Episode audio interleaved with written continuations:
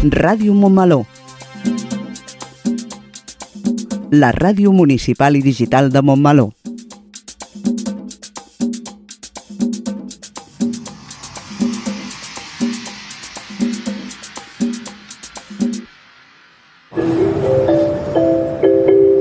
Propera parada, Montmeló.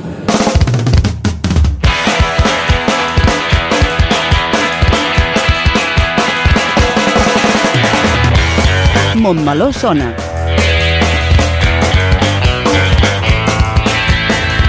El magazín informatiu de Ràdio Montmeló.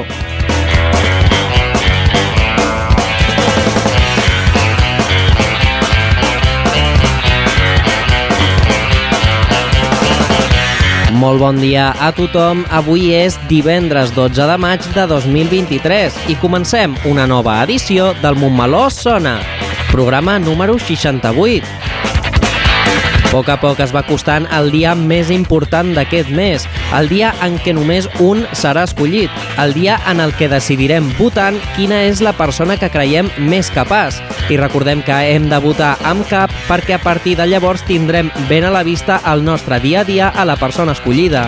Exacte, ja arriben les eleccions municipals i per això la setmana que ve el Montmeló Sona serà una especial eleccions amb tots els candidats a l'alcaldia. Però què dius, Mercè? Quines eleccions? Jo estic parlant d'Eurovisió. El dia en el que sortirà escollit el cantant o el grup de música que faci una millor performance. El dia més important que hi ha. Per un tuitero, el dia d'Eurovisió és com Nadal. Però per què dius que tindrem el guanyador a la vista en el nostre dia a dia? Bé, la cançó que guanyi segur que acaba sonant per tot arreu. Per això hem de votar en cap. Si surt escollida una mala cançó, podria ser devastador. Montmeló Sona és el magazín informatiu setmanal de Ràdio Montmeló, coordinat per l'equip de comunicació de l'Ajuntament. Avui ens acompanya la Maria Costafreda al Toquem el 2, la Lola Robles al bloc de l'entrevista i l'Oriol Contreras a la secció de consum. I a la locució del programa tenim a la Mercè Volart i un servidor, el Rubén Cantón. I una vegada fetes les presentacions, passem al sumari de continguts que tenim preparats pel programa d'avui.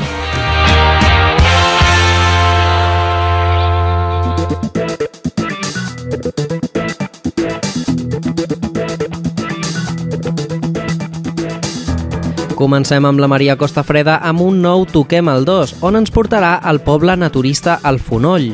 Seguirem amb el nostre espai informatiu Crònica de Montmeló, on farem un repàs de l'actualitat del nostre poble. Després farem una ullada a l'agenda d'actes que podem trobar els propers dies a Montmeló. Tot seguit, la Lola Robles entrevistarà el Pol Castejón, tècnic de Patrimoni Cultural de l'Ajuntament de Montmeló. I acabarem amb una nova secció de consum, amb l'Oriol Contreras de l'Oficina Municipal d'Informació al Consumidor. I com ja sabeu, tot això i alguna cosa més és el que trobarem al Montmeló Sona d'avui, 12 de maig de 2023.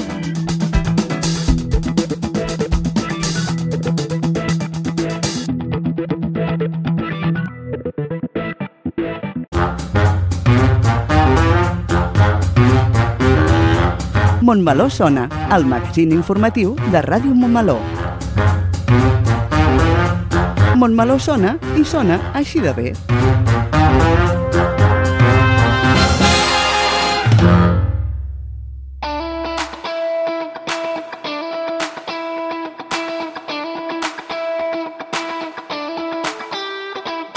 Comencem el Toquem el 2 d'aquesta setmana.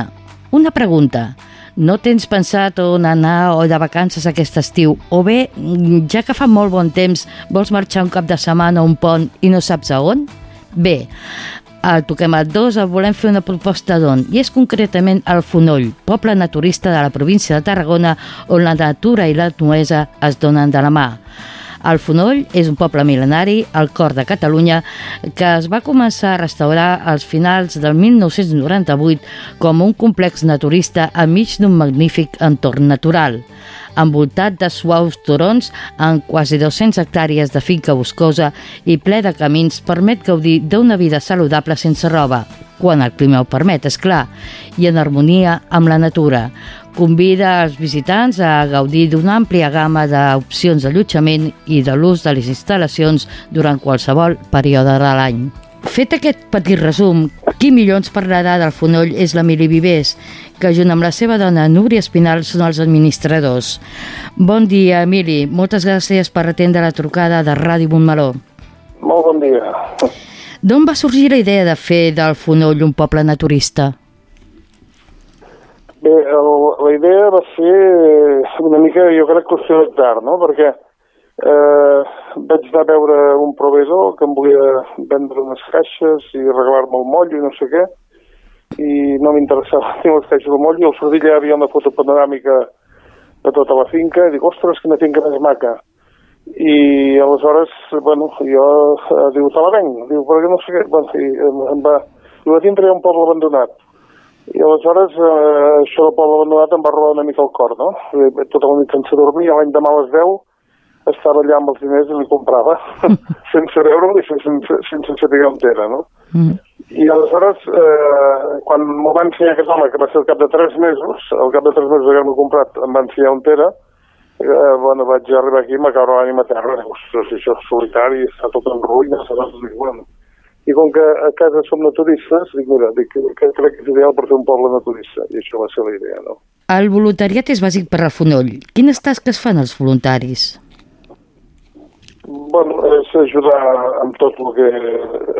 Aviam, abans tenia gent assalariada, després les coses no econòmicament, aquí al Fonoll, això és un projecte que no és un projecte econòmic, i bueno, va arribar un moment que jo no havia més diner per gastar, i aleshores eh, va ser quan una mica va dir, home, jo tinc voluntaris, si tu vols, no sé què.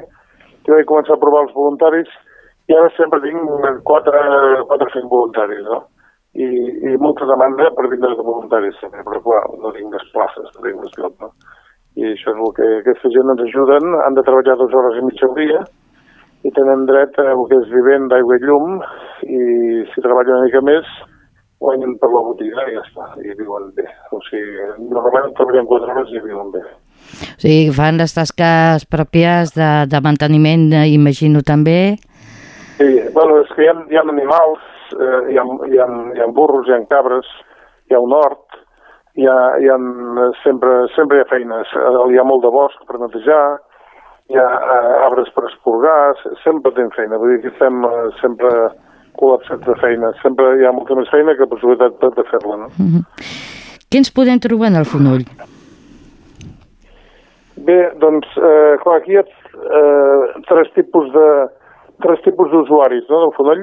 Un són els voluntaris, que n'hem parlat, l'altre són inquilins, gent que ha vingut i ha llogat una casa i viuen aquí, que d'aquests ja som 34, i després eh, som, eh, eh, de- després hi ha la gent de turisme, que fem uns quants apartaments reservats per turisme i ens ve gent d'arreu del món. O sigui, ens ha vingut gent de Nova Zelanda, d'Austràlia, d'Amèrica, de, tot- de tot arreu. Eh? Ara mateix tinc un, un xicot de Venezuela, han marxat ara uns argentins, tinc uns anglesos aquí dalt, o sigui que de fet ens ve gent de tot el món. I sense fer-ne cap propaganda, no? Vull dir que només fem la pàgina web i la gent doncs, vull dir, té interès a, a, a moltes parts del món aquest petit projecte, no? Quin tipus d'allotjaments hi podem trobar? Bueno, l'allotjament és, són apartaments senzills, hi ha alguna caravana també molt senzilla, i hi ha una mica de zona d'acampada. O sigui, i, i també tenim un alberg. L'alberg té 30 places, eh, els, allotja, els apartaments eh, són... Bueno, n'hi ha de diverses categories, no? Des, eh, els més senzillets, alguns que tenen terrassa i diverses habitacions, o sigui, bueno, hi ha una mica de tot.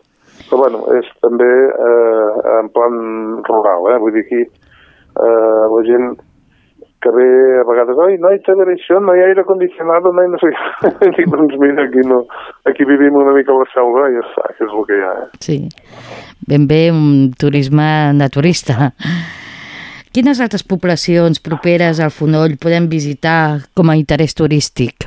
Home, sí, sí, home, aquí és un lloc privilegiat, perquè és una zona medieval molt poc, eh, diguem, espatllada, eh, i aleshores tots els pobles circundants tenim eh, Guimarà, que és una joia, és un dels pobles més macos de Catalunya, que està just a 6 o 7 quilòmetres del Fonoll. Tenim eh, Conesa, també que és un poble medieval molt maco, tenim Forès, que té unes vistes impressionants, Tenim, bueno, eh, estem al municipi de Passaran, que també té algun racó bastant maco, hi ha una mica de tot. O sigui, tot de, I després, eh, clar, això pensa que és el triangle que hi ha entre Tàrrega, eh, Santa Coloma de Caral i Montblanc, no? Estem en el centre d'aquest triangle. Mm. I tota aquesta zona, doncs, ja dic, és molt tranquil·la i, i té molts atractius a la gent que li agrada la natura i li agraden els pobles antics. Què els diria, Míriam, als montbalonins i montbalonines perquè visitin el Fonoll? De Montmeló hi ha algun client, eh, també, també en ve algun, eh? Aviam, jo crec que la gent que és naturista coneix el projecte, perquè, clar, és un projecte que portem 25 anys funcionant i, i bueno, cada vegada ha estat més, més, eh, més arregladet, més en condicions, perquè al principi, clar, eh, pensa que vam entrar una mica ens va començar a vindre gent naturista aquí que no havia ni, ni, ni un vàter per anar al vàter, no? Mm. I aleshores, vull dir que ara estem més equiparats. Tenim sauna, tenim una bassa gran, tenim eh, tot d'atractius, que això a la pàgina web, que és el fonoll.cat, ho poden veure, i els preus també són molt mòdics, perquè dic, no és un projecte econòmic, és un projecte de vida, i no sé, això ja, eh, la gent de Montmeló ja en donen alguns que ho coneixen, i, i bé, espero que en vinguin més, seran benvinguts. Doncs moltíssimes gràcies, Emili Vivies, per parlar del Fonoll i donar a conèixer als nostres oients un tipus de turisme alternatiu i per tota la família. Molt bé, doncs agraït a vosaltres i, i penseu que el naturisme no solament és anar despullat, sinó que és fer salut. Eh? O sigui, anar despullat vol dir que toca el sol, que agafes vitamina D, això és eh, vital per la salut, o sigui que endavant si algú s'anima. Una abraçada. Una abraçada, gràcies.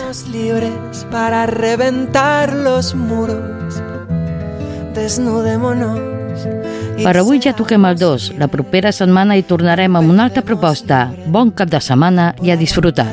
Los miedos. Desnudémonos porque somos iguales porque somos diferentes, porque somos iguales. Desnudémonos para vernos iguales, ya que somos diferentes, por eso somos iguales. Desnudémonos para mirarnos a los ojos, sea nuestro cuerpo sol, alimento de las libertades. Desnudémonos para mostrar los complejos, baño de humildad al sol y reventemos los cánones.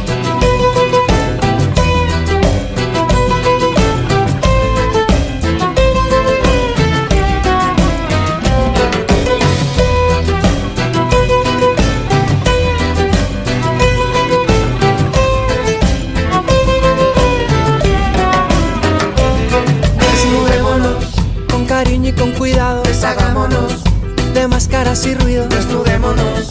Con mimos sin censura, hagámonos. De vergüenzas y miedo, desnudémonos. Con mimos y cuidado, desprendámonos. De pudores aprendidos, desnudémonos. Pero sin sexualizarnos, para naturalizarnos. Desnudémonos para entendernos, para querernos, para sanarnos, para sincerarnos, desnudémonos. Y seamos sin caparazón espejos Desnudémonos para creernos, para comprendernos, para aprendernos, para conectarnos, desnudémonos y seamos agua, y seamos aire, y seamos tierra, y seamos fuego.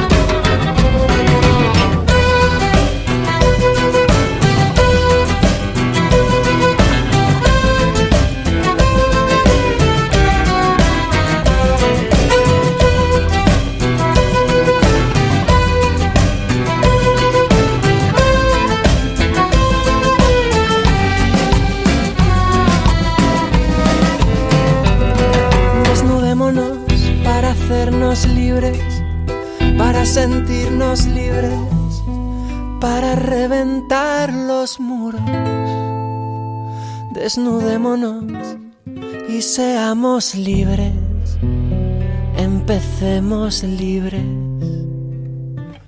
por arrancarnos los miedos.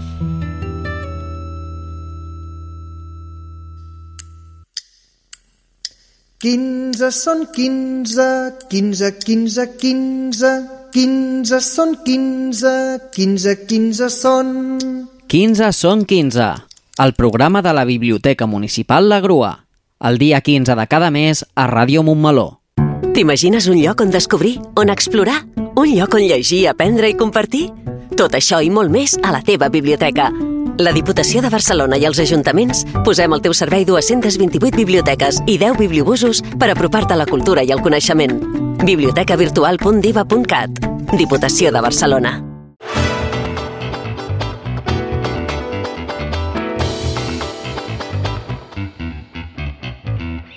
Entrem en el nostre bloc informatiu Crònica de Montmeló i donem pas, una vegada més, a les notícies locals més destacades d'avui, divendres 12 de maig de 2023. Aquest és el sumari. Demà dissabte, tall del trànsit a l'Avinguda Pompeu Fabra. Nova celebració centenària a Montmeló.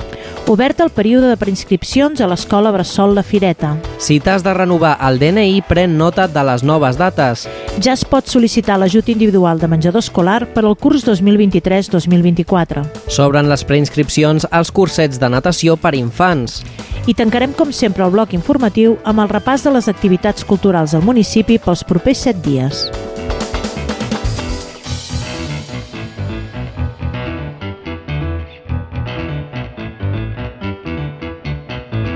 Demà dissabte 13 de maig, a partir de les 8 del matí i fins les 4 de la tarda, es tallarà el trànsit a l'Avinguda Pompeu Fabra, tram comprès entre el carrer Doctor Ferran fins al carrer de l'Estació Vella. A motiu de la celebració del desè aniversari de l'entitat Associació Clàssic Club Montmeló, no es podrà circular per l'Avinguda Pompeu Fabra en el tram comprès entre Doctor Ferran i l'Estació Vella. Només es permetrà l'accés dels vehicles del pàrquing de Pompeu Fabra. El servei de transport d'autobús de Sagalès canviarà el seu recorregut i s'anulen les parades de l'Avinguda Pompeu Fabra i del carrer de Vic. Les parades que continuaran en servei seran les de l'estació de tren i la de la plaça d'Ernest Lluc. Si teniu qualsevol dubte, podeu adreçar-vos a la policia local trucant al telèfon 93 572 0300. Dilluns passat, dia 8, la Teresa Jiménez va celebrar el seu aniversari amb la visita de l'alcalde per retre-li un reconeixement per part de l'Ajuntament. La Teresa és la tercera àvia montmelonina que enguany arriba als 100 anys. Familiars i personal de Can Dotre s'han reunit al pati de la residència per celebrar aquest centenari, una edat que ni la Teresa s'esperava poder arribar, tal com ens explica ella mateixa en aquestes declaracions a Vallès Visió. Uy, bien, para los 100 años me encuentro bien, que no pensaba yo llegar a los 100 años.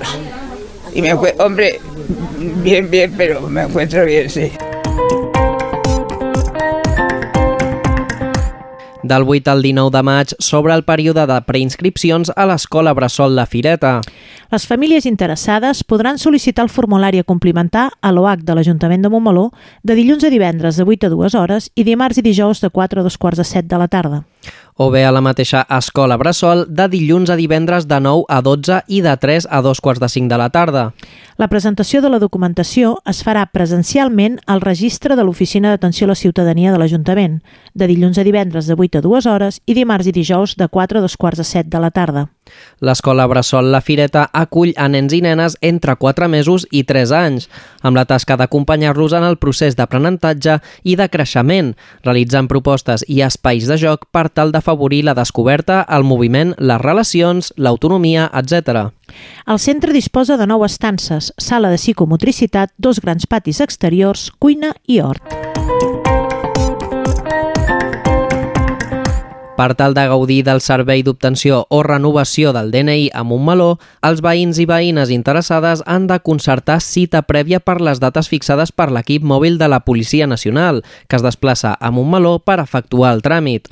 La persona titular del DNI haurà de compareixer obligatòriament en la data indicada per realitzar el tràmit dues vegades, un dia per aportar la documentació i un altre per recollir el nou DNI. El servei d'obtenció o renovació del DNI és una prestació que ofereix la Policia Nacional a diferents poblacions. Destacar que aquest servei està adreçat a totes les persones del municipi i especialment a persones amb mobilitat reduïda que no poden desplaçar-se a les comissaries de la policia. Del 15 al 22 de maig es donaran números a persones grans i amb mobilitat reduïda. El lliurament de números i la renovació es farà a l'Ajuntament en horari de dos quarts de nou del matí a dos quarts de dues de la tarda. Del 23 al 29 de maig es donaran números a la resta de la població, fins a exaurir-los, en horari de 8.30 del matí a 1.30 del migdia. El dia 30 de maig ve la Policia Nacional a fer els DNI. Imprescindible presentar la documentació adient. Per finalitzar, el dia 6 de juny cal passar per l'Ajuntament a recollir el nou DNI.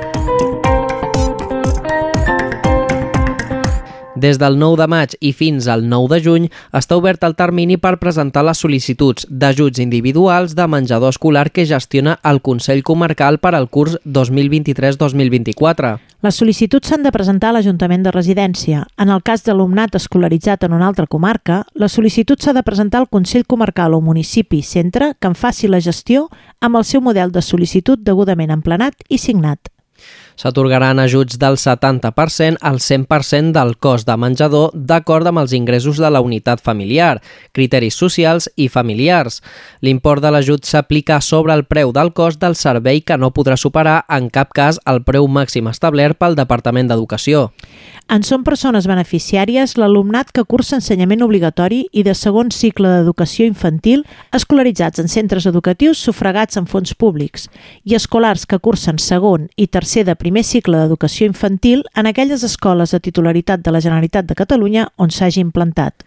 Per al curs escolar 2023-2024 s'estableix un preu de 6,91 euros per alumne per dia per als centres amb una durada d'espai de migdia de 2 hores i mitja i de 6,54 euros per alumne per dia per als centres amb una durada d'espai de migdia de 2 hores. El termini de presentació de sol·licitud s'ha iniciat el 9 de maig i finalitza el 9 de juny de 2023.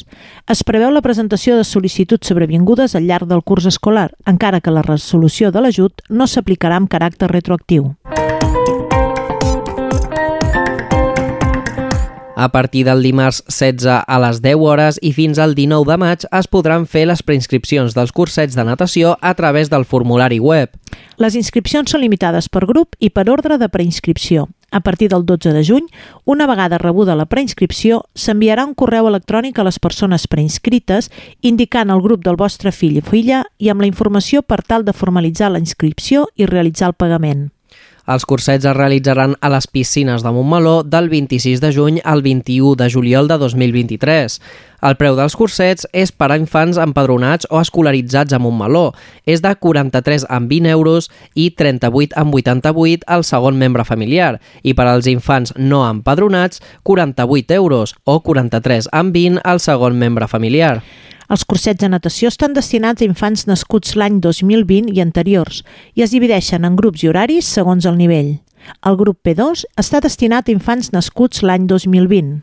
El nivell 0, destinat a infants que s'han de familiaritzar amb el medi aquàtic, que no saben nedar o tenen por. El nivell blanc, destinat a infants que no tenen por a l'aigua i que saben surar una miqueta sense cap material.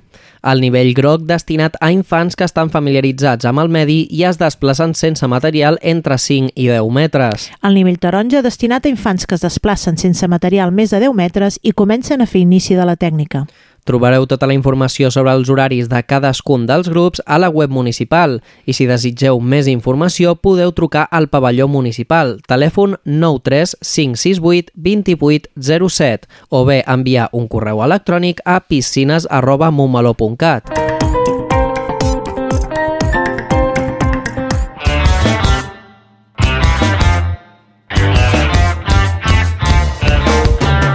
Iniciem el bloc de l'agenda d'activitats culturals d'aquest cap de setmana, que té com a principal protagonista la festa del Clàssic Club i també parlarem de les activitats del cap de setmana del 18 al 21 de maig, amb el Museu Municipal com a principal protagonista.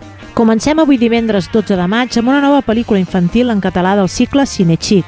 En aquest cas, el títol és Jacob, Mimi i els gossos del barri, una aventura missatge ecologista protagonitzada per animals.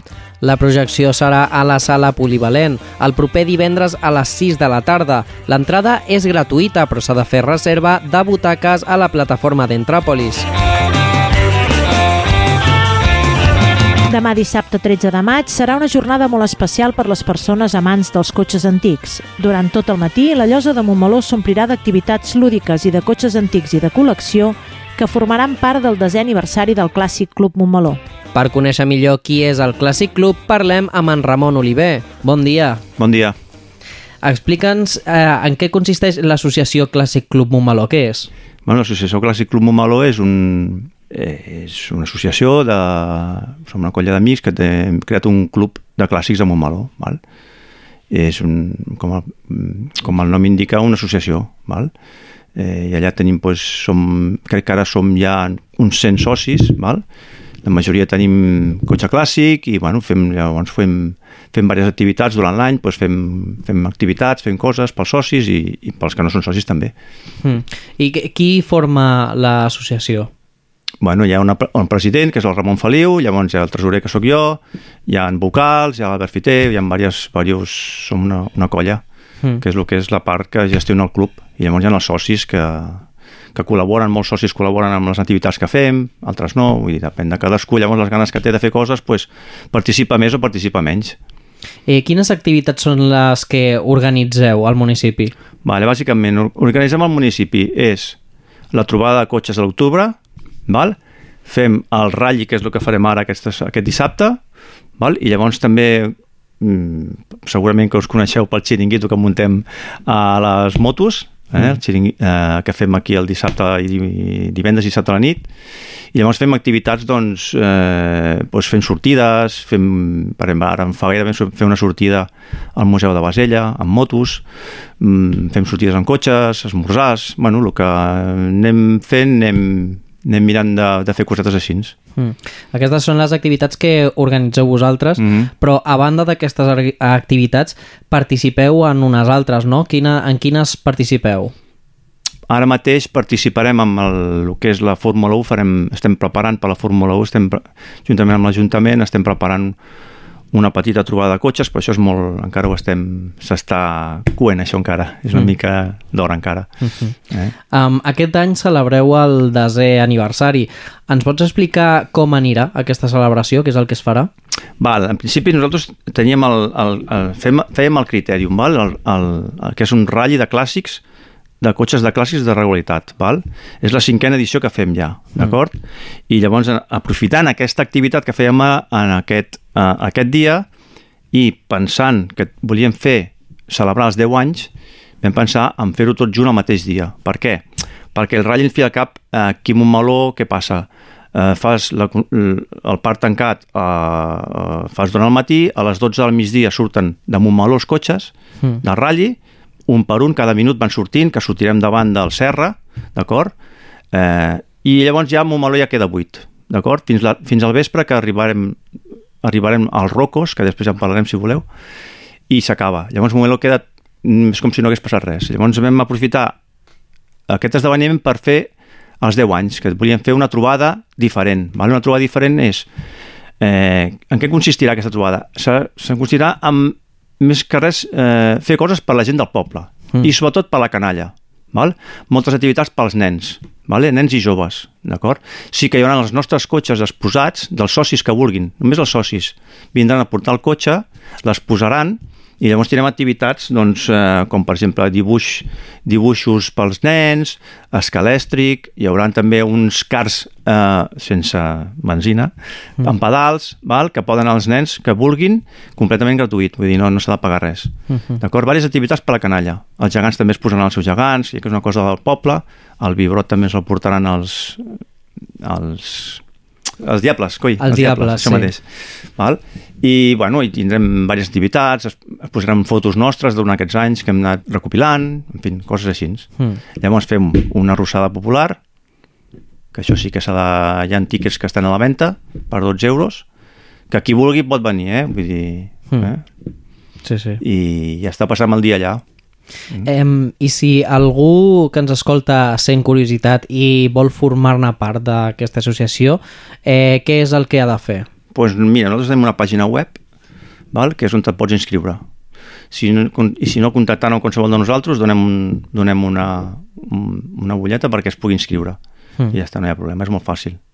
I per participar en les activitats de- d'aquests dies? Amb la de dissabte, sí. doncs has de ser un nen que tingui ganes de dibuixar, ah, també farem recorregut amb, el cotxe, amb un cotxe clàssic per Montmeló, i ara un trenet també per la canalla, res, venir, ja està. venir, prou. Doncs molt bé, hi ha, hi ha alguna cosa més que vulguis comentar? Mm, bueno, volia comentar pel tema ratlli, això sí que és un ratlli que, que dintre del que és la, els clàssics, val? és un ratlli que està agafant molta importància a la veu de Catalunya. Has de pensar que tenim 76 inscrits, val? Eh, hi ha molt pocs ratlli que es facin a Catalunya que tinguin aquests tants inscrits, d'acord? I gent important, gent que, que ve de, del món del ratlli, que coneix els ratllis i que és gent que, que, que té molta importància. Eh? Vull dir Mm. que és un ratlli que estarà bé. Mhm. Estarà molt bé. Per veure la sortida, sobretot, la sortida a les 12 aquí davant del Serra, d'acord? I llavors pues, continuar amb les activitats de, de, de la, que ho farem a la llosa, eh? Doncs moltes gràcies, Vinga, eh. Ramon. Val, perfecte. Hi haurà paella popular, el cinquè rally de regularitat de cotxes clàssics, cars ecològics, un trenet de la bruixa, tallers de pintura i retallables, una exposició fotogràfica dels 10 anys del club i es podrà fer un passeig en els cotxes clàssics dels socis. Tot això i algunes sorpreses més ompliran el matí de dissabte a partir de dos quarts d'onze fins al migdia. En aquesta jornada, a més, col·laboraran diferents entitats culturals com les colles de gegants i diables, Protecció Civil i l'escola EMT de Granollers. Sense cap mena de dubte, serà un gran matí ple de motor i d'activitats adreçades a la canalla i al públic jove.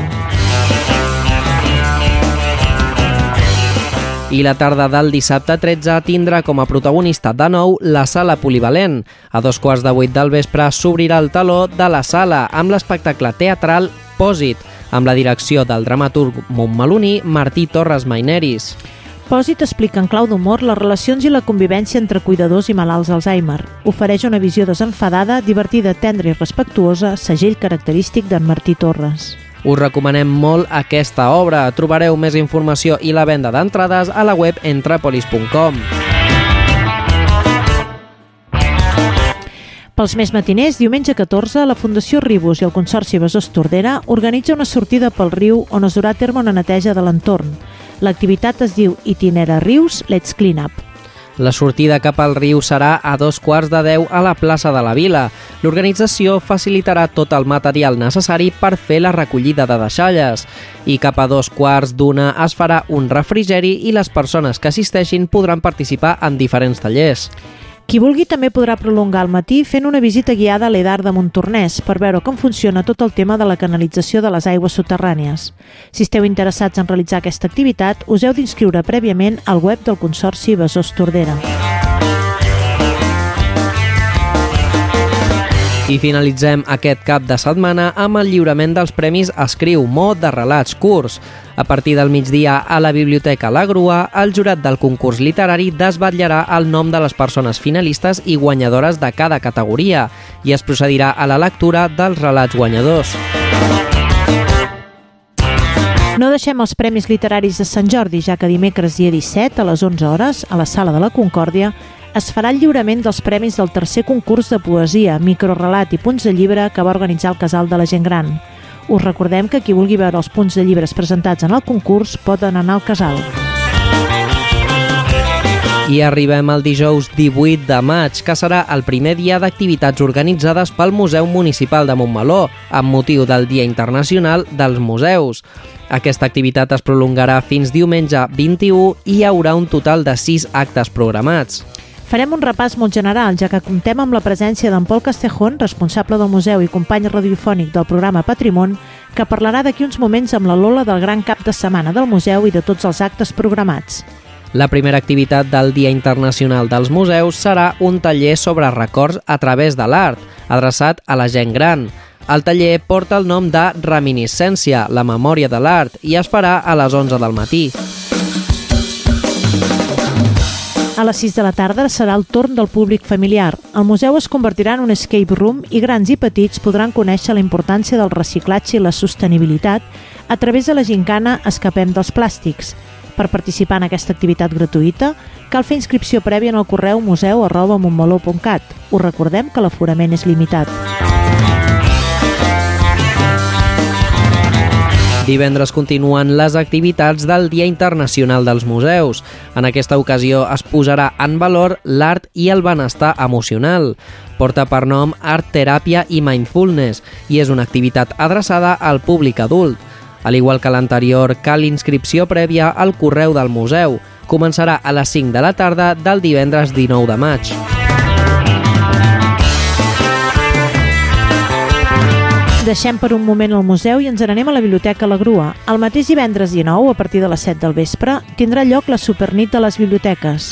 Com ja haureu vist per televisió, aquesta és una activitat conjunta de tota la xarxa de biblioteques de Catalunya, organitzada pel canal SX3 i el Departament de Cultura de la Generalitat. És una gincana infantil amb proves molt divertides, dirigides de manera online pel personatge més famós del canal infantil català, en Titó.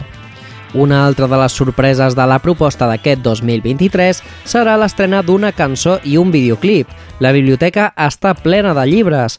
Aquesta peça, que s'ha creat expressament per la Supernit, estarà protagonitzada per la versió animada en 3D del Titó i els animals del Falala, que sempre l'acompanyen. Si sou infants seguidors d'en Titó i del canal SX3, us podeu inscriure a la Supernit a la Biblioteca La Grua. I tornem de nou al Museu Municipal amb la quarta activitat del Dia Internacional dels Museus. En aquesta ocasió serà un altre taller amb la llum i l'art com a protagonistes. Les persones que s'inscriguin crearan objectes d'art a través de la llum. Serà molt interessant. I així arribem al diumenge 21 amb les dues darreres activitats del museu, que més són dues activitats ja clàssiques i que es faran en paral·lel. D'11 del matí a 2 del migdia, el museu obrirà les portes al públic per ensenyar l'exposició permanent de les pintures romanes de Mons Observants, que són les més antigues d'aquest període que es conserven a Catalunya. A la mateixa hora, el jaciment romà de Mons Observants també obrirà les portes perquè tothom qui vulgui pugui fer una visita lliure de l'espai i visitar també el punt d'informació del Turó de Can Roina, on podreu veure una exposició sobre l'entorn natural del Turó de les Tres Creus i sobre el descobriment i creació d'aquest interessant jaciment romà que fa frontera entre Montornès i Montmeló.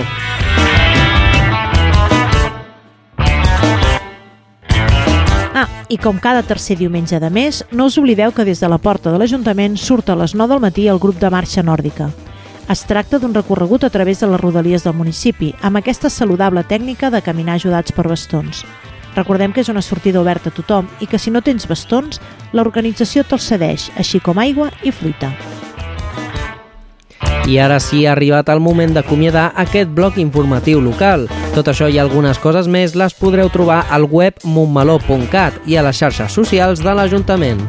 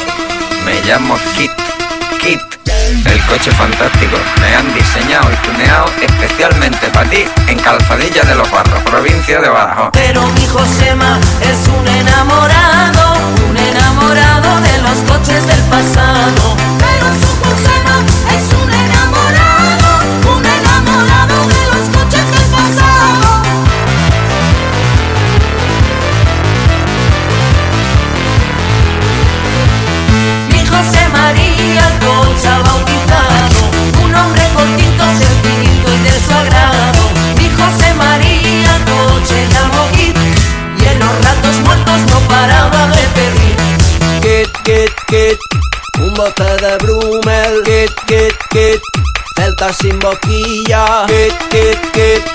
Olivas gazpachas, kit, kit, kit. Tráeme farmatín. Pero mi Josema es un enamorado, un enamorado de los coches del pasado.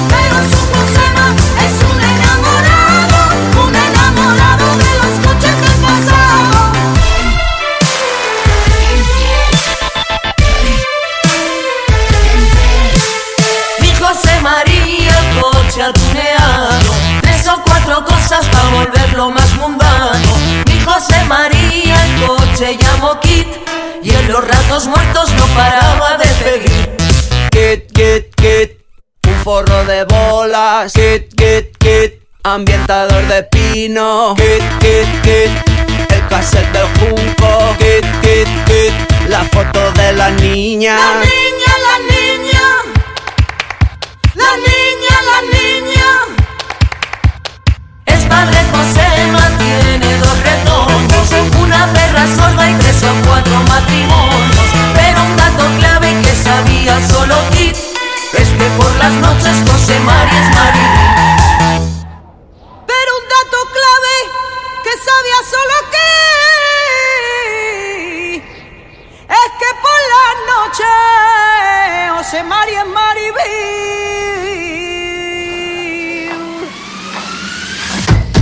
Kit, kit, kit. Dos piezas de espuma, kit, kit, kit. Un culo de goma, kit, kit, kit. Tres bolas de plumas, kit, kit, kit. Tanga y banderra. Y es que Maribí es una enamorada, una enamorada de cualquier mariconada.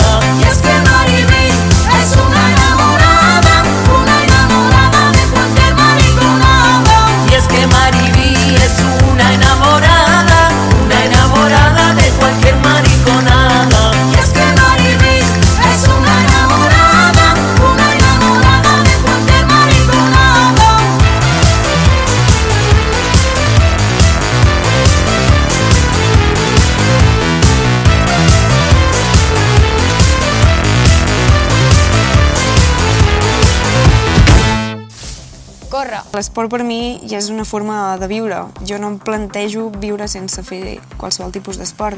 Desconnexió. Deixar de banda tot el que hagi passat al llarg del dia i poder-me centrar en alguna que al final em fa feliç. Mou-te. L'esport t'ensenya a superar-te, a afrontar reptes i aconseguir els teus objectius. Uh, tinc tot el dret de poder patinar. Jo, quan era petita, no tenia referents femenins. Ara tinc a, a dones amb qui fixar-me i dir buah, jo vull ser com ella. Activa't. Realment hi han coses més importants que fer esport? És una part molt important de la nostra vida. Viu! No ho deixis perquè algun dia podries ser tu referent per a altres nenes petites. Fes esport, el que més t'agradi i sobretot no ho deixis. És superimportant en totes les etapes de la nostra vida. Corre. Mou-te. Activa't. I viu. La Diputació de Barcelona amb l'esport femení. El primer diumenge de cada mes, acompanya'ns a Ràdio Montmeló a prendre un vermut amb Alex Atanes, Bruno Cáceres i un convidat nou cada programa. Un vermut con, el primer diumenge de cada mes a Ràdio Montmeló.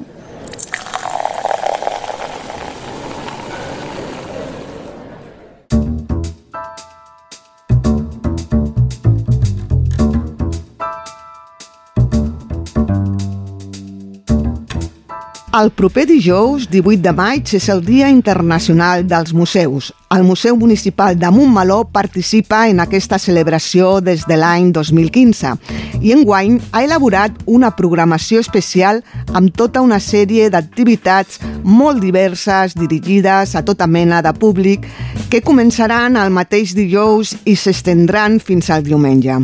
Per parlar d'això, contem avui als nostres estudis amb el tècnic de Patrimoni Cultural de l'Ajuntament de Montmeló i director del Museu Municipal, en Pol Castejón.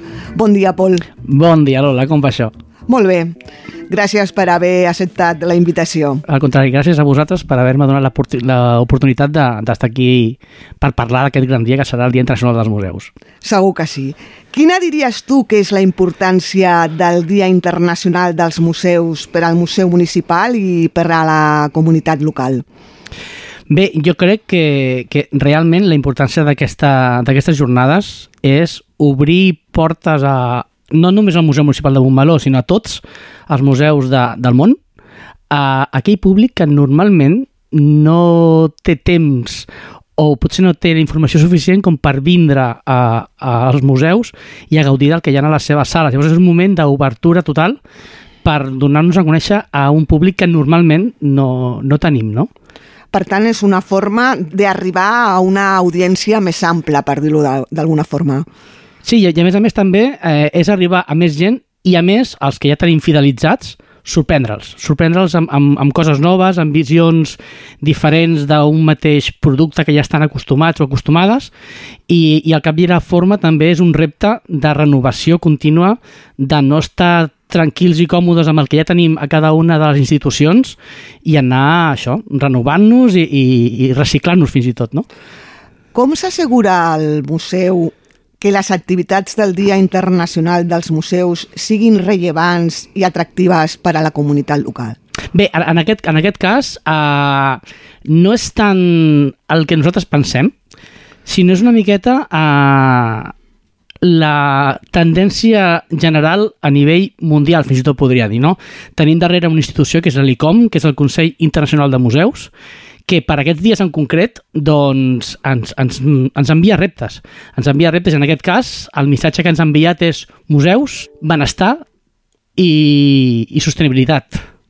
Clar, uh, això és una cosa que trenca totalment amb la percepció o idea que es té del que és un museu. I realment, des d'aquí Montmeló ho hem entomat amb totes les ganes de dir, aviam què podem fer per, per això, per, amb, amb, aquests, amb aquests dos eh, conceptes, no? benestar i sostenibilitat. Entrem a detallar les activitats que s'han programat. Uh, la primera activitat és un taller de reminiscència que porta per títol La memòria del temps i que està adreçat a la gent gran. Sí. Uh, aviam, abans d'això m'agradaria posar una miqueta en, en, En context, context. en context, no? Clar, eh, arran d'aquest repte que ens donen des de l'ICOM de benestar i sostenibilitat, doncs vam començar a, a pensar què es podria fer realment a les sales d'un museu doncs per, per, aconseguir, per aconseguir això, no? Llavors, eh, hem estat mirant a diferents entitats una miqueta més grans que nosaltres, com pot ser, per exemple, el CCCB, no? que eh, mitjançant activitats i visites i, i, i exposicions doncs arriben a tractar amb tot el que es pot tractar l'Alzheimer, no? Un, un, una pèrdua de memòria greu, doncs mitjançant l'art, mitjançant el que hi ha als museus, doncs han tingut petits èxits de, de moments de lucidesa, de millora de benestar, també millora social d'aquestes persones que pateixen aquest Alzheimer. Hem pensat, doncs per què no, a més petita escala, anem a treballar amb la nostra gent gran i a partir de la visió de quadres de diferents pintors de diferents èpoques, a veure què recorden, a, a, a, a, veure què som capaços de rascar d'aquelles coses de que quan eren petits doncs mm, potser han oblidat o pensen que han oblidat i això els hi fa retornar a la, a la memòria actual. No? I, i el, aquest treball, aquest, aquest taller de, de, de reminiscència és això, és intentar partir de l'art doncs això, rascar la, la memòria de, la, de, de les persones que participaran per recordar a, a, allò, allò que van ser, no? Aquest any el tema triat per celebrar el Dia Internacional dels Museus, com tu bé has dit, és Museus, Sostenibilitat i Benestar. I heu programat una activitat molt en la línia, que és un escape room anomenat Escapem dels plàstics. Sí. Eh, clar, és que re realment eh, estem en un, en un moment no? Que possiblement el, el major problema que tenim és el, el, el, la gestió i l'ús dels nostres residus i dintre d'aquesta aquest, gran problemàtica el plàstic jo crec que s'emporta la palma no? Eh, com saps, jo sóc una mica de formació eh, arqueòleg, no? I jo sempre he pensat que els arqueòlegs del futur eh, eh, ompliran els museus d'objectes de plàstic. Així com nosaltres els omplim de ceràmica, no? dels romans, grecs i tota aquesta gent, nosaltres els omplirem de plàstic realment en, en, en un futur. Llavors, aquest escape room eh, és, és una activitat familiar pensada perquè eh, la gent es conscienciï de la importància de reduir residus, del reciclatge i de fer un ús responsable d'això que ens envolta per tot arreu. Aquí mateix en el plató gairebé tot es pot dir que és de, que és de plàstic, doncs de fer un ús responsable per intentar arribar al residu zero, no? I en aquest sentit, eh, quin és el paper d'un museu municipal com el nostre en l'assoliment de la sostenibilitat i en la millora del medi ambient? Mira, doncs de nou eh, em trauré les, les culpes de sobre i aniré a l'ICOM, a l'ICOM, val? perquè l'ICOM, dintre de tot el que treballa a nivell mundial, ens marca, per exemple, el codi deontològic per tindre una sèrie de bones pràctiques eh, en tots eh, i cada un dels museus, i tot i que va variant, eh, cada any, bueno, cada any no, però bastant sovint, ens ofereix també una definició del que és ser un museu, que ara, us la llegiré perquè no me la sé de memòria, però veureu que escapa molt del concepte general que es té d'un museu que és una, un edifici on hi ha unes sales, que hi ha unes vitrines i allà s'ofereixen o bé quadres o bé objectes de valor artístic, històric, arqueològic i estan allà tancadets i, i poc més, no? Clar, si llegim la definició que ens dona l'ICOM, ens diu que un museu és una institució sense ànim de lucre, permanent, al servei de la societat, que investiga, col·lecciona, conserva, interpreta i exhibeix patrimoni material i immaterial. Està obert al públic, és accessible i inclusiu. Els, els museus fomenten la diversitat i la sostenibilitat i amb l'experiència que té amb les comunitats, els museus operen i comuniquen ètica i professionalment oferint experiències variades per l'educació, el gaudi, la reflexió i l'intercanvi de coneixements. És a dir, ara actualment la definició que hi ha de museu ja incorpora aquest element de la sostenibilitat. I molt important, això d'estar al servei de la societat. I penso, penso que a, a, aquests dos conceptes s'uneixen molt fàcilment i si hem de ser sostenibles i hem de tindre un, un ús real per a la societat, hem d'estar al servei, que millor que explicar i ensenyar que s'ha de ser sostenibles i s'ha de treballar, en aquest cas, a, a millorar tot el sistema de reciclatge que, que tenim. I una miqueta lligam a, a, amb el que dius tu, podem dir que el Museu Municipal aposta per una mirada més ampla, no? més oberta de que, del que pot incorporar i oferir a nivell cultural i no es limita a ser un lloc que mostra exposicions únicament. Clar, eh, evi- evi- evidentment, o sigui, eh, realment eh, és això, no? El concepte que està al museu és aquest espai tancat amb una sèrie d'objectes de valor artístic, arqueològic o, o històric que la gent va a, a mirar-los i, oh, que macos que són. Això ja s'ha trencat, aqu- aquest concepte de museu ja no és tal. Uh, hi ha vegades que l'import- l'important no és el quadre, l'important no és l'objecte, l'important és per què el pintor o pintora va fer aquell quadre, què representa, quina informació es pot extreure, es pot extrapolar a la- a la- a la- a l'actualitat. Hi ha quadres, hi ha quadres de, de principis del segle XX, per exemple, de- d'autors que ara diríem, que ara diríem, poso un exemple, eh, que serien de gènere fluid, que en aquell moment no es podia dir, però ara es pot treballar des d'aquest- des d'aquesta vessant, no? I es pot treballar tota aquesta nova reinterpretació sobre els gèneres a partir d'un quadre d'inicis del segle XX. Doncs això és el paper que ha de tindre un museu, no? A partir de, a partir de l'art, no quedar-se només en l'objecte o el valor econòmic en teoria pot tindre aquest objecte, sinó treure-li el valor social i, i, i educatiu que pot tindre per a qualsevol nivell de la societat actual, no? Continuem amb més activitats. Per divendres hi ha programat un taller d'art-teràpia i mindfulness al mateix museu. En què consisteix aquesta activitat? Bé, aviam, uh, realment per mi és, un camp que he de reconèixer que és totalment desconegut, no? Uh, l'art- bé, de l'art-teràpia jo crec que més o menys tothom necessita parlar, no? D'aprofitar l'art com a, com a mitjà per, per obtindre un benestar o una millora o, o cura fins i tot de eh, enfermetats mentals, físiques, no? Però clar, a, a, a fa poc apare, a, a, a, apareix dintre de, de, del, del, del context general d'això de, de, de les teràpies i també de la meditació, doncs un concepte nou que és aquest el mindfulness, no? que si el traduïm seria més o menys dir alguna cosa com plena consciència. Plena consciència d'un mateix, d'una mateix. No? I això es fa, eh, això prenent, prenent eh, una miqueta d'atenció en el moment actual, en l'ara. En l'aquí i en l'ara. I no preocupar-se per res més. És més, no preocupar-se per res més vol dir, fins i tot, no jutjar-te ni no intentar buscar una solució. És a dir, està passant això, està passant això, punto.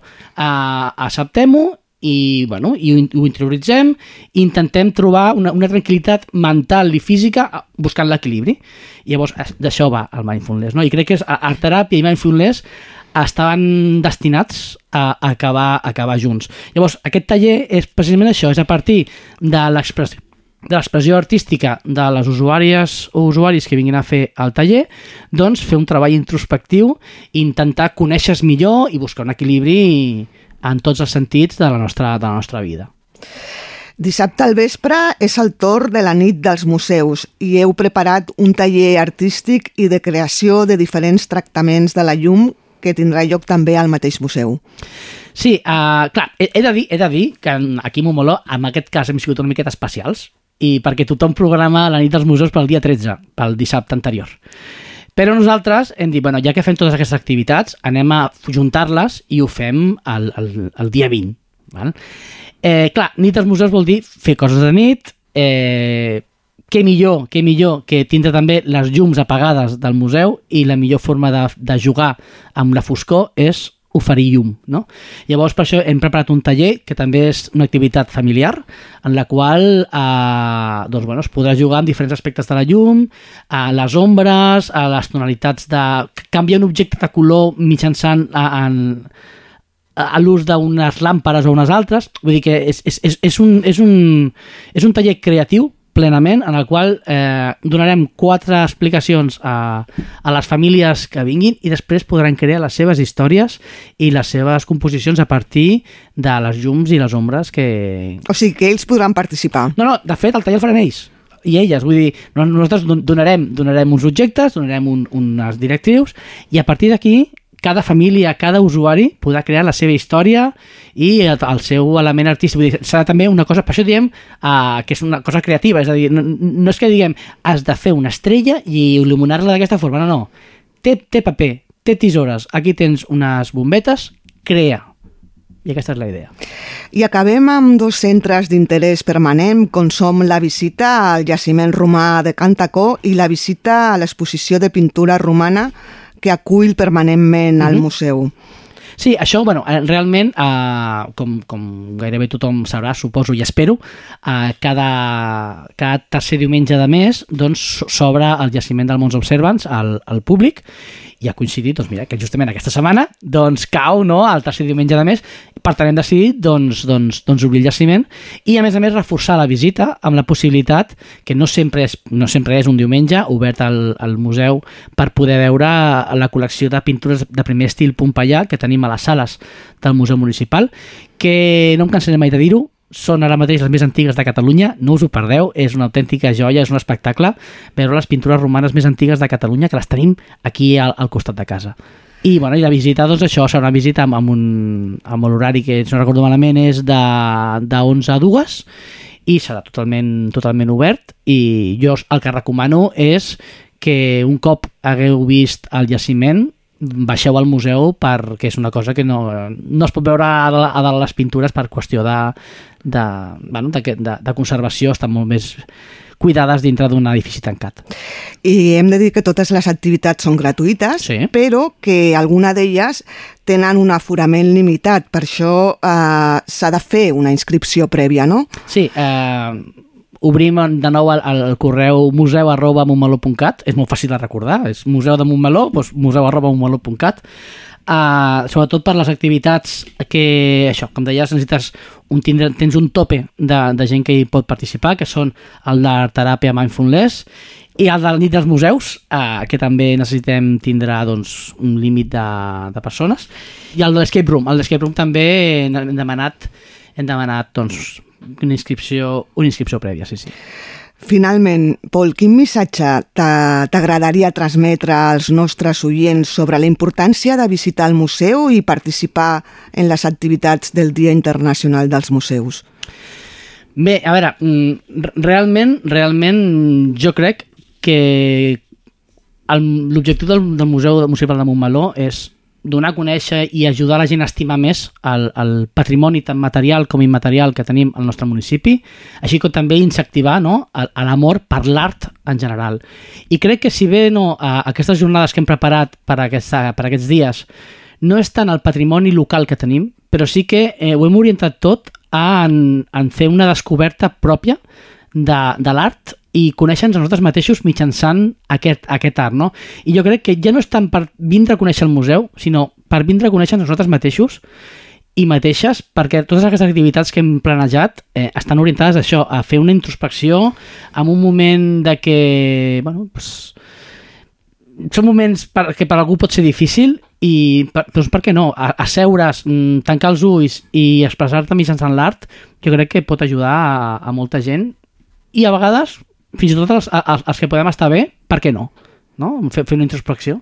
Sí, un viatge íntim, no? És el, el, exacte, o sigui, el, el, el concepte seria que realment eh, el, que, el, que hem, el que hem pretengut amb, amb tota aquesta programació és fer un, un viatge íntim introspectiu i conèixer-nos nosaltres mateixos mitjançant doncs, un museu o mitjançant, mitjançant l'art.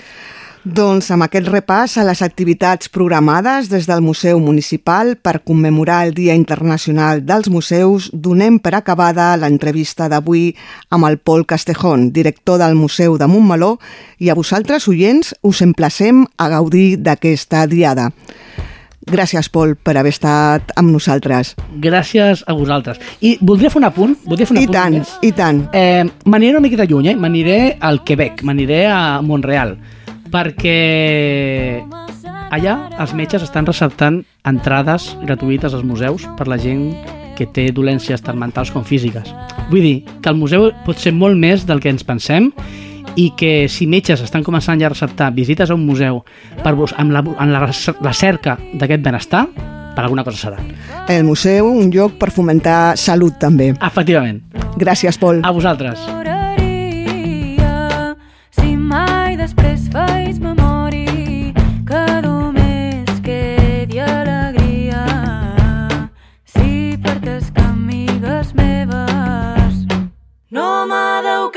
Sepultura si sa mort m'aplega jove no m'adeu cap sepultura. Enterreu-me dins ses zones perquè l'ama tot ho cura. Si sa mort m'aplega jove no m'aplorarà ningú. Si mai m'amot tota sola llorar.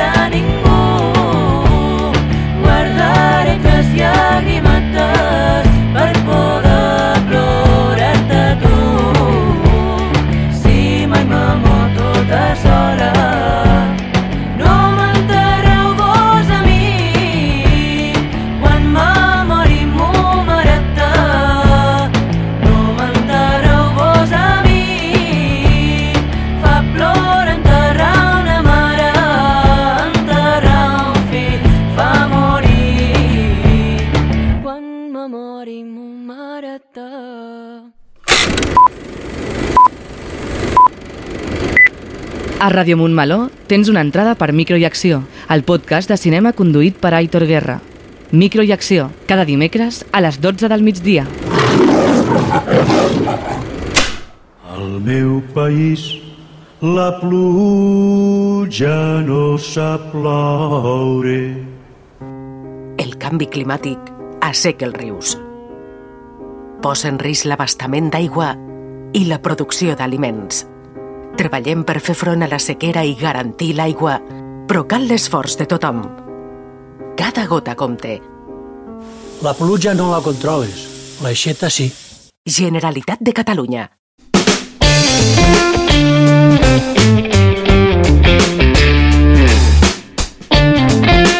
I avui, que és el segon dimarts de mes, com cada segon dimarts de mes, tenim al Montmeló Sona la secció de consum i ens acompanya l'Oriol Contreras de l'Oficina Municipal d'Informació al Consumidor. Hola, bon dia. Molt bon dia a tothom. De què ens parles avui? Avui mm, venia a parlar d'un- tema un potser mm, diferent als que parlem normalment, que parlem per sectors, no? Pues parlem Sí. de problemes amb la telefonia, amb la llum, eh, amb moltíssims, diguéssim, sectors del consum, però aquest és una miqueta més eh, primari, més perquè és, diguéssim, més anterior a totes aquestes dificultats, i és una mica la protecció d'aquell sector o persones vulnerables dintre de la relació contractual de compra de béns i de compra de serveis. Mm. Eh, és una protecció específica de la llei, tant en l'àmbit estatal com catalana, de, de, de sectors eh, de la població que tenen dificultat per les seves circumstàncies personals, podrien ser econòmiques, però també per la seva eh, diversitat, en diuen tècnicament, funcional o intel·lectual, Mm. i, i parlar perquè ens entengui la gent, la gent que té que va amb cadira de rodes, la gent que és sorda, la gent que és muda, la gent que eh, té una limitació eh, intel·lectual, Mm. i tot aquest sector de població, que és ampli doncs, i que ha de ser respectat, doncs eh, si això ho trasllades, aquestes dificultats, al món del consum, i fins que jo no vaig anar realment unes jornades fa poc a Mataró, no em vaig donar compte, perquè per, van posar molts exemples de realment les dificultats que Mm. poden tenir. Nosaltres fem el dia a dia, Sí. oi? Nosaltres, eh, posaré exemples, no? Nosaltres anem a comprar roba, entrem a les botigues, no ens en donem compte de la dificultat d'una cadira de rodes per entrar en una botiga amb un esglaó, ja no dic dos o tres. Sí, sí. Entrem en una botiga de roba, insisteixo, agafem roba i ens la provem en el provador. Hi ha dificultat, i això ha estat explicat no, per, per gent en aquestes jornades doncs, per entrar amb la cadira de rodes dintre de l'emprovador perquè no està habilitat Exacte. per poder entrar. Mm. Um, però també m'han explicat casos, i, i ho posaré sobre la taula perquè la gent ens entengui, doncs de que una persona que és sorda vol canviar-se de companyia de, de la llum eh? I, o d'internet i, i, i sí o sí té que trucar no hi ha més doncs és sorda eh?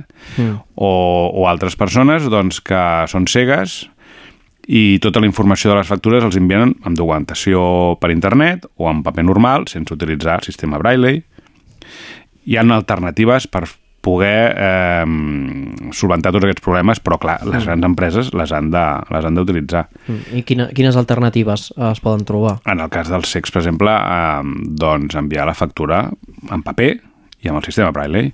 En el cas dels sords, evidentment, eh, hi ha sistemes d'enviar, jo llegia també, no?, d'enviar-ho pues, per, en vídeo, o videoconferència, en el qual hi hagi un, un, un intèrpret. Evidentment, d'una petita botiga no li demanes això, Mm. però d'una gran empresa jo crec que ho podríem fer. Exacte, sí. Amb una petita botiga sí que li podries dir que posés aquesta rampa de fusta que costa 4 duros o que habilités una miqueta els emprovadors. Però, per exemple, un autobús urbà, doncs, pel que m'han explicat, la gent que va en cadira de rodes té dificultat per accedir. Un de cada no sé quants tenen plataforma, però s'han trobat gent que quan vol accedir a la plataforma el conductor no sap fer-la servir perquè no l'ha fet servir mai, o quan la sap fer servir i la vol fer servir no la pot fer servir perquè no funciona. Clar, aquestes dificultats, me'n recordo en aquesta jornada ens explicava una persona que pues, tenia que anar amb tren de Mataró a, no sé si era Calella o un altre poble de la costa i havia d'agafar el tren a Mataró, després agafar-ne un altre per, perquè, bueno, per les combinacions de trens. Però per anar a una de les vies, perquè Mataró té moltes estacions, hi ha moltes vies, no? Per una, a una de les vies on tenia que anar a agafar aquest tren havia de passar amb, ascens amb ascensor subterrani mm. perquè no podia creuar les vies. No funcionava l'ascensor. Recordo que va explicar doncs, que de Mataró va tenir que recular, per exemple, fins a Premià, perquè en allà, teòricament, l'ascensor funcionava. Quan va arribar, l'ascensor no funcionava. Però un guarda de seguretat la va ajudar, en aquest cas, a passar les vies al tren a l'altra via perquè pogués agafar el tren i anar a Mataró i agafar el tren que venia, doncs, direcció Calella, bé, clar, totes aquestes inconvenients fins que no te'ls expliquen. Llavors, la solució, evidentment, és la, la, la implicació de les administracions públiques i de les particulars i de les empreses en invertir. Mm. Pues que hi ha altres situacions de vulnerabilitat. Aquestes, ostres, criden l'atenció. Però després hi ha la dificultat d'accés a internet, que això li passa a molta gent gran. Sí. O no tenen internet, que podria ser, o el tenen però no el saben fer servir prou bé i ens obliguen a fer quantitat d'operacions totes per internet. Ja vam parlar l'altre dia de la factura digital, però qualsevol contractació o petició que facis. Jo, per exemple, l'altre dia anava a... Van, van operar el genoll, com te'n recordes, i vaig tenir que anar un altre cop per demanar cita i tal. Ah, doncs ja et diuen que et baixis l'aplicació d'aquest centre i que demanis la cita a través de l'aplicació. Bueno, doncs clar, i si jo no tinc internet, Mm. mm. i si jo no tinc un mòbil amb, amb aplicacions, o si jo tinc tot això però no sé fer-ho servir, això no són limitacions, dongueu la- l'alternativa. O, o, o la gent gran que, bueno, ara perquè s'ha tornat a revocar la llei, a modificar, però les oficines bancàries tancaven. Mm. I llavors la gent gran faci tot per internet o vagi a la, a la més propera que està dos pobles més cap allà de la seva entitat, perquè aquí no se'n queda una. Si, si alguna persona es troba amb algun d'aquests problemes, hi ha alguna manera de reclamar-ho? Clar, en teoria, eh, com totes les reclamacions, primer s'han de fer eh, a la pròpia empresa. Mm. Clar, depèn de quin sector de la població estem Exacte. parlant, ens tornem a, tenir, a trobar el mateix problema, no? Sí. Eh, Llavors, eh, de, depèn del col·lectiu, tenen les seves associacions, no? I si no, l'oficina del consumidor, doncs podíem fer... Eh, podíem eh, fer una mica, podíem ajudar a recolzar després el síndic de greuges, per exemple, perquè estem parlant de, de dificultat eh, d'accés doncs, a persones vulnerables, jo crec que el síndic, tot i tractar-se d'empreses particulars, que el síndic només regula les administracions públiques, però també podria intervenir, no? I entre tots, procurar doncs, que totes les persones que hi són i que no és que no les veiem, les veiem, però no detectem el problema i, per, i, i que n'és moltíssim, doncs que cada cop tinguin menys dificultat per accedir al món del consum. Perquè la llei que diu que totes les persones han d'accedir amb les mateixes amb els mateixos drets i condicions d'igualtat. Mm. Si una persona no pot escollir bé què comprar, quin servei, quin producte, perquè no té prou accés a la informació, ja no accedeix amb la mateixa igualtat no? que els altres, i això és el que jo crec que la llei i tots hem de vetllar. Mm. Doncs fer una crida a les empreses i a la llei perquè, um, perquè això no passi, no? perquè no, no ens podem trobar amb aquests, amb aquests inconvenients. Clar, l'administració és la primera que s'hi posa, però Mm. les empreses, i sobretot les grans, sí. haurien d'anar, ja no dic al darrere, sinó al davant, no? perquè són les que tenen més, més, més, més capital, no? més potencial econòmic, però que sobretot són les que els interessa no? rebre aquests clients i no excloure'ls i no excloure'ls, no? Eh, quan més avancem amb les tecnologies i més avancem amb molts de, amb les compres, ventes dels productes i els serveis, doncs eh, la gent vulnerable ho és més. Mm. Això oi, va, va al revés. La gent acaba sent més vulnerable i això és jo que crec que hem d'evitar. I mira, t'ho dic que porto més de 20 anys amb el sector del consum i fins que no vaig anar a aquestes jornades, evidentment no, no cal que la gent per sensibilitzar-se vagi a jornades, però sí que o miri per internet o simplement reflexioni Sí. amb, les, amb, les, amb els casos que jo he estat explicant doncs, i, i, i segur que en trobaríem moltíssims més, eh? des de transports públics d'avions eh, o, o marítims, eh, tenen els seus drets, Mm. tenen els seus drets incrementats, però s'han de respectar, d'acord? I, I bé, és aquest el tema que jo avui doncs, em portava una mica no? a explicar-vos. Mm. Hi ha alguna cosa més que vulguis afegir sobre aquest tema? Bàsicament, eh, que la gent que, es, jo no diria potser no se senti trepitjat, però sí vulnerats els seus drets, doncs que, que no s'ho calli. Mm. Val? Que, que reclami i malgrat no estigui reclamant diners, no estigui reclamant eh, com qualsevol altra reclamació de consumidor no? a l'uso, que en diuen, però sí que estàs reclamant uns drets que més poden afavorir tu, però poden afavorir molta més, molta més gent, no? I quanta més gent, això és com sempre tota la vida, no? quanta més gent reclama d'un sector, doncs, més es protegirà i les empreses suposo que més forçades es veuran a actuar. Mm. Doncs feu cas a l'Oriol i reclameu cada vegada que us trobeu amb aquest tipus de problemes. Moltes gràcies, Oriol Contreras, per parlar-nos d'aquest tema i fins la propera secció de consum al mes vinent. Aquí estarem. Doncs molt bé, moltes gràcies. A vosaltres. Je n'aurais jamais cru tomber tant amoureux de tes yeux, de tes mains, de la peau de ton dos. Le jour où moi, pied hors des clous, à deux sens, sans un bruit de côté, m'a fauché ton auto. Lorsque tu t'es penché sur mon corps immobile qui gisait sur l'asphalte, je n'avais plus de sang. Le spectre de la mort qui relaie tout autour se faisait menaçant.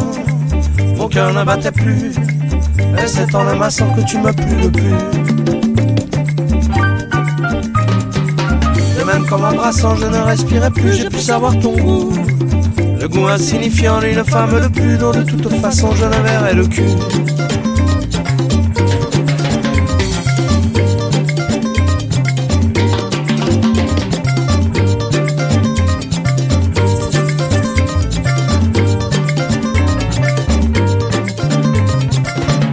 Voici venir mon heure et je veux point de servir de surin à cette vie de chien, à cette vie de peur, à cette vie de rien.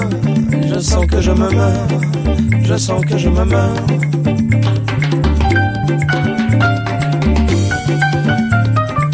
Mes yeux à l'agonie ont cru voir de l'amour couler au fond de toi. Mais s'il est un peu tôt pour dire que c'est toi, il est déjà bien tard pour faire quoi que ce soit. Pour faire quoi que ce soit.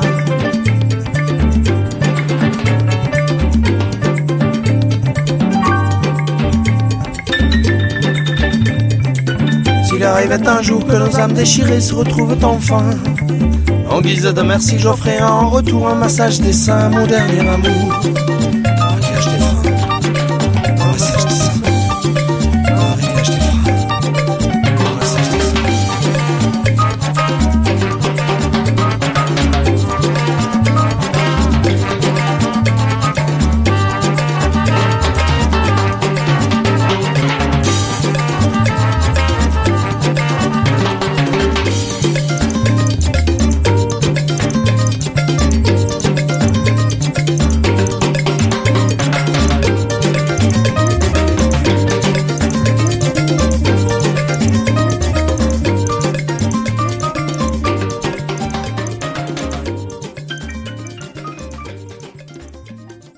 Cada família genera de mitjana uns 40 quilos de residus cada setmana. Això equival a uns 2.000 quilos cada any. Si adoptem hàbits de prevenció, si dipositem els envasos de plàstic, llaunes i brics al contenidor groc, els envasos de vidre al verd, el paper i el cartró al blau i la matèria orgànica en bossa compostable al marró, el nostre impacte serà menor i l'estalvi important. Els nostres residus, la nostra responsabilitat. Generalitat de Catalunya, amb la col·laboració i el finançament dels sistemes integrats de gestió de residus.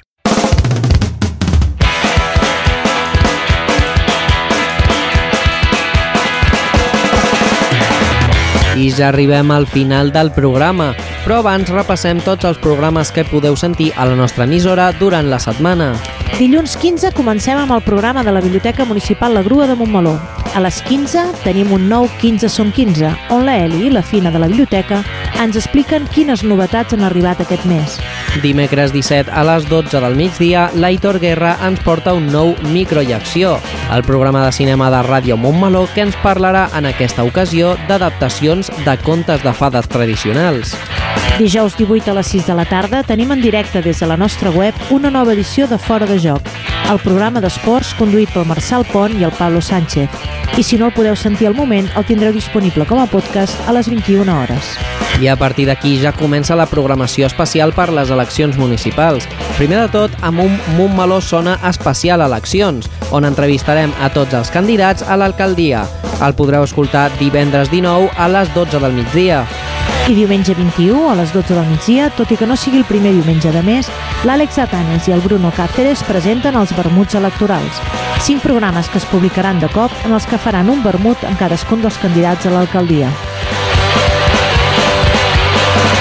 I amb tot això marxem, però com ja és costum, us volem recordar que podeu contactar directament amb l'emissora si teniu qualsevol idea, suggeriment o opinió mitjançant el nostre correu radiomo.montmeló.cat o a través del telèfon i WhatsApp 637 150 702.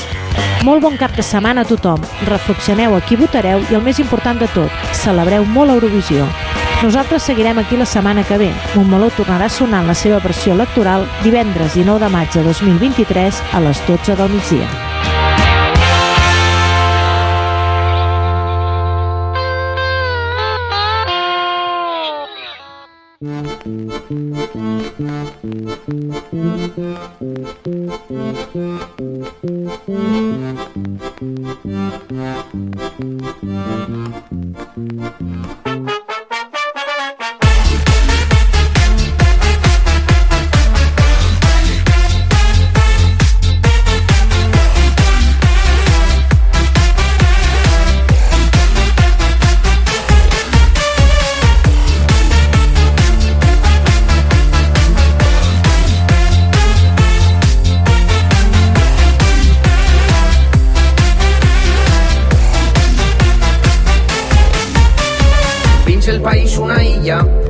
Mateixa illa al final, una urbanització cara, un paradís amagat. Dins el paradís set cases, pengen d'un penya-segat, set propietats exclusives, que bo que Rafa Nadal. Dins el baló quatre cotxes, tres motos bicis i un quad, un casupet pel servici, que viu allà netejant. Dins el jardí una piscina, una piscina gegant, d'aigua salada i jacuzzi, però ningú ha notat un tobogan, li falta un tobogan, que vaig al Willy i el pose que està passant mal. Un tobogan, li falta un tobogan al pobre home, diners no donen la felicitat.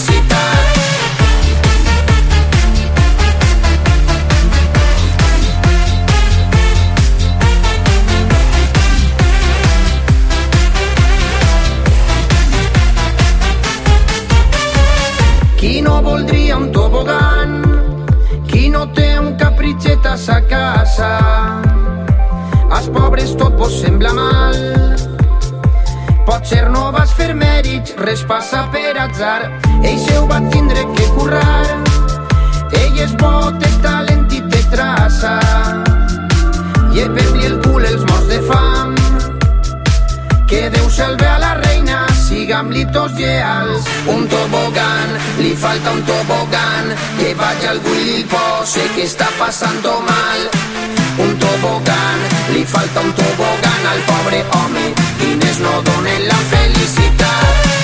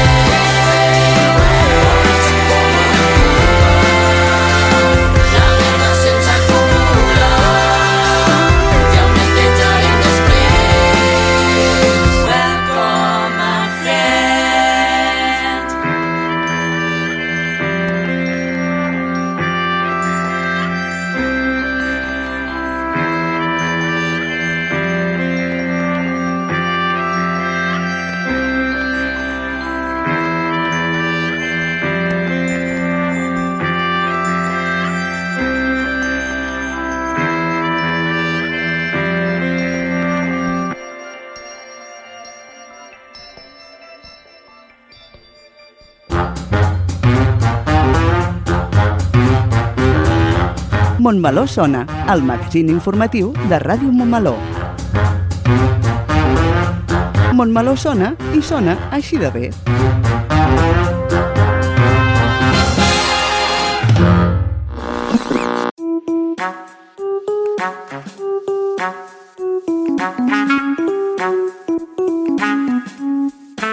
Ràdio Montmeló. Sintonitza'ns al web radiomontmeló.cat i a través de les xarxes d'Instagram, Facebook i Twitter. Ràdio Montmeló, la ràdio municipal i digital de Montmeló.